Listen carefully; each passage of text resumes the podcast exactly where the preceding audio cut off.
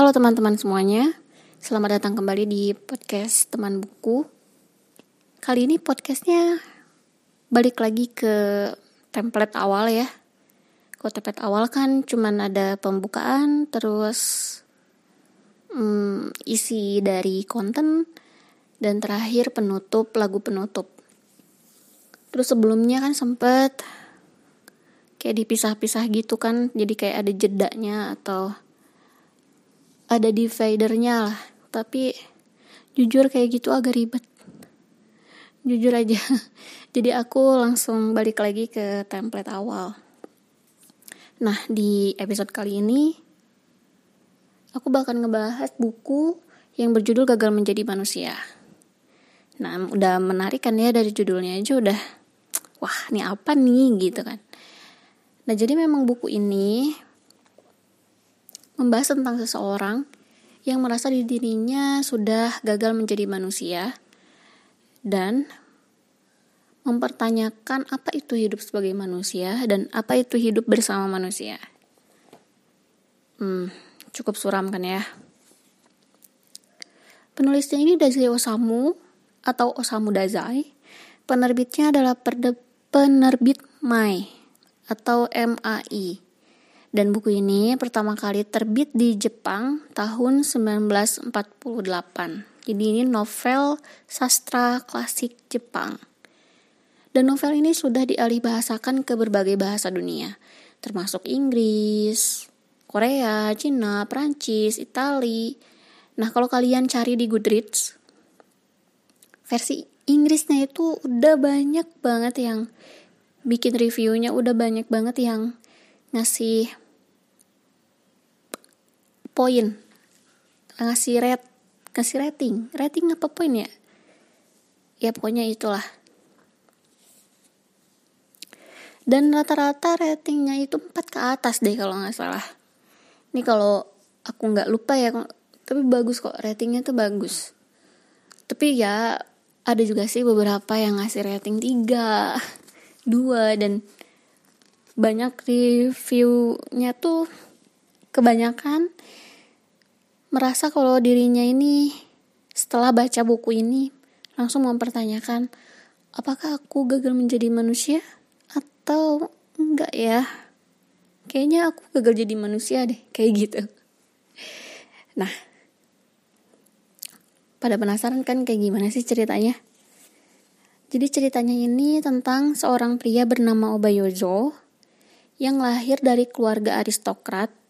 Aristokrat itu adalah keluarga yang terpandang, biasanya si penguasa ya kayak gubernur, presiden atau wali kota dan sebagainya lah dan kebetulan si ayahnya ini adalah seorang politikus. Nah si Obayozo ini selama hidupnya nggak pernah yang namanya mengalami kesulitan. Eh bukan mengalami kesulitan sih, memiliki kesulitan. Walaupun dia mengalami kesulitan, pasti selalu ada tokoh penolong di hidupnya, entah itu saudaranya, temennya, atau perempuan. Ya karena si Obayozo ini kan terkenal ganteng, kalem, baik hati, jadi banyak banget perempuan yang naksir sama dia, yang rela berkorban buat dia. Jadi bisa dipastikan lah kalau dia gak punya musuh. Hidupnya damai dan tentram. Orang-orang di sekitarnya juga baik, dia juga baik ke semuanya tapi ada hal aneh dari dirinya ini. Dia ini tipe orang yang sulit membedakan yang mana yang baik dan mana yang buruk. Jadi dia sulit memutuskan gitu, tindakannya ini baik atau buruk, bermoral atau enggak. Dan dari kecil dia ini takut terhadap manusia Aneh kan? Ya aku juga bacanya aneh. Jadi dia kalau di hadapan manusia itu ngerasa takut, canggung, gak canggung sih, gugup. Kalau canggung beda ya. Ngerasa takut, ngerasa gugup. Bahkan sama ayahnya sendiri, di depan ayahnya sendiri, dia kayak ngerasa kayak gitu gitu. Langsung terpaku gitu kalau ayahnya ngajak ngobrol. Hah, kok aneh ya?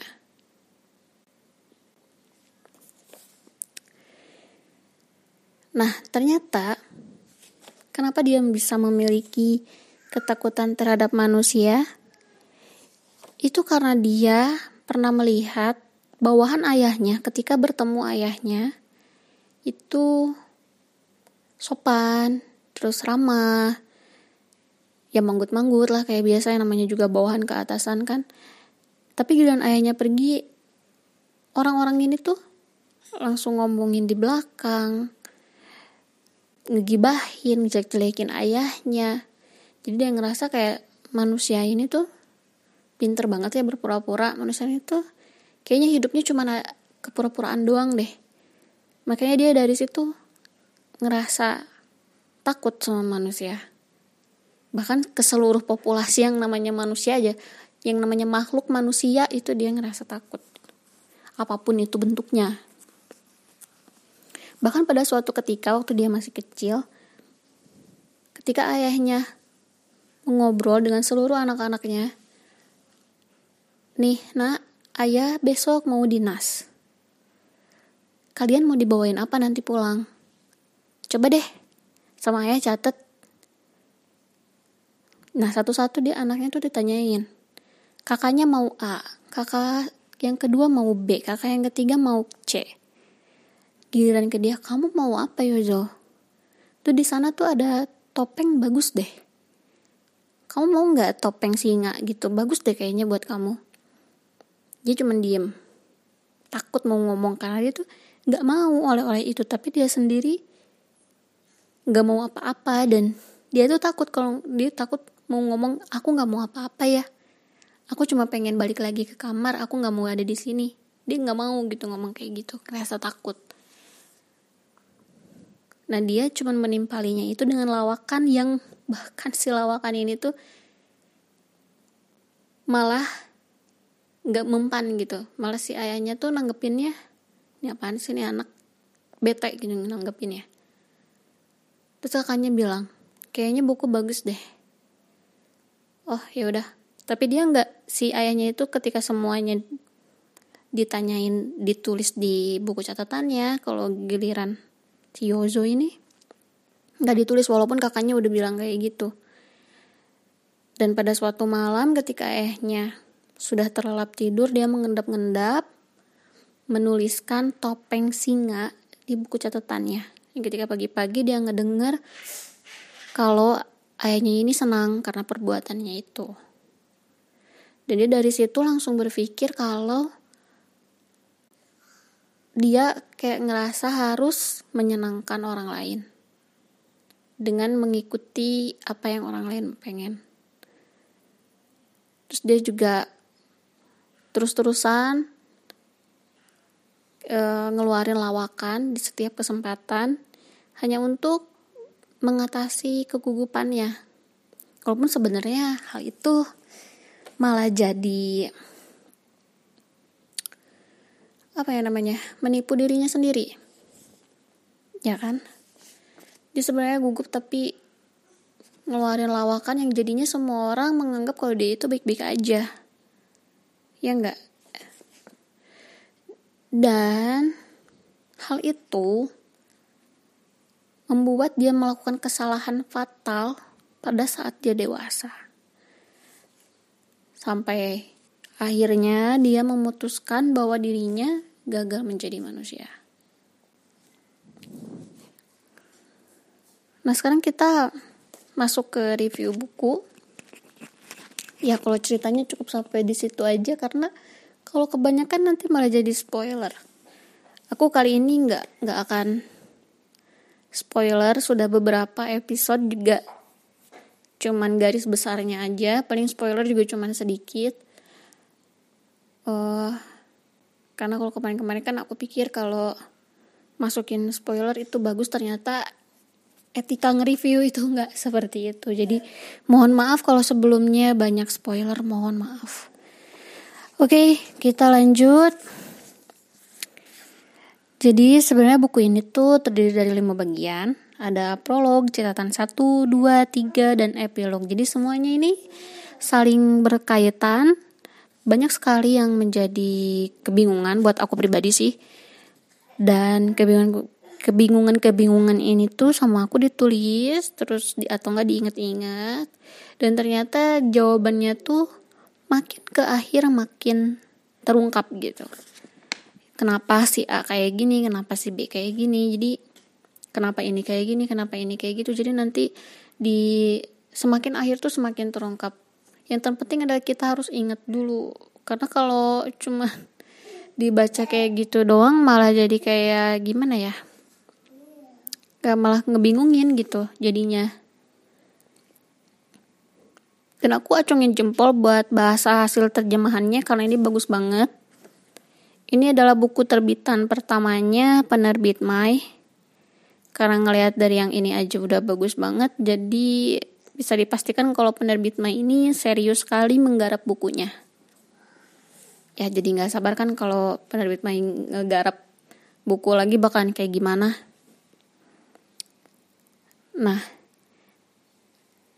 soal tokohnya. Aku di sini mau ngobrolin soal si Obayozo-nya si Obayozo-nya ini menurutku memang dari kecil kayak udah punya kelainan psikologis tapi mungkin karena dia hmm, di depan banyak orang berusaha untuk terlihat baik-baik aja jadinya malah orang-orang itu ya cuek. Terus pada saat dia ngelakuin kesalahan fatal itu yang aku heranin kenapa? Orang-orang tetap cuek. Aneh. Aneh banget terus kan emang si Obayojo ini tuh udah mah punya kainan psikologis terus dia tertutup juga. Tapi orang-orang di sekitarnya itu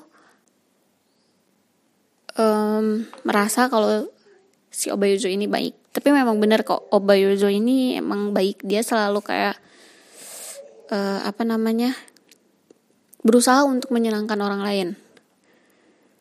Nah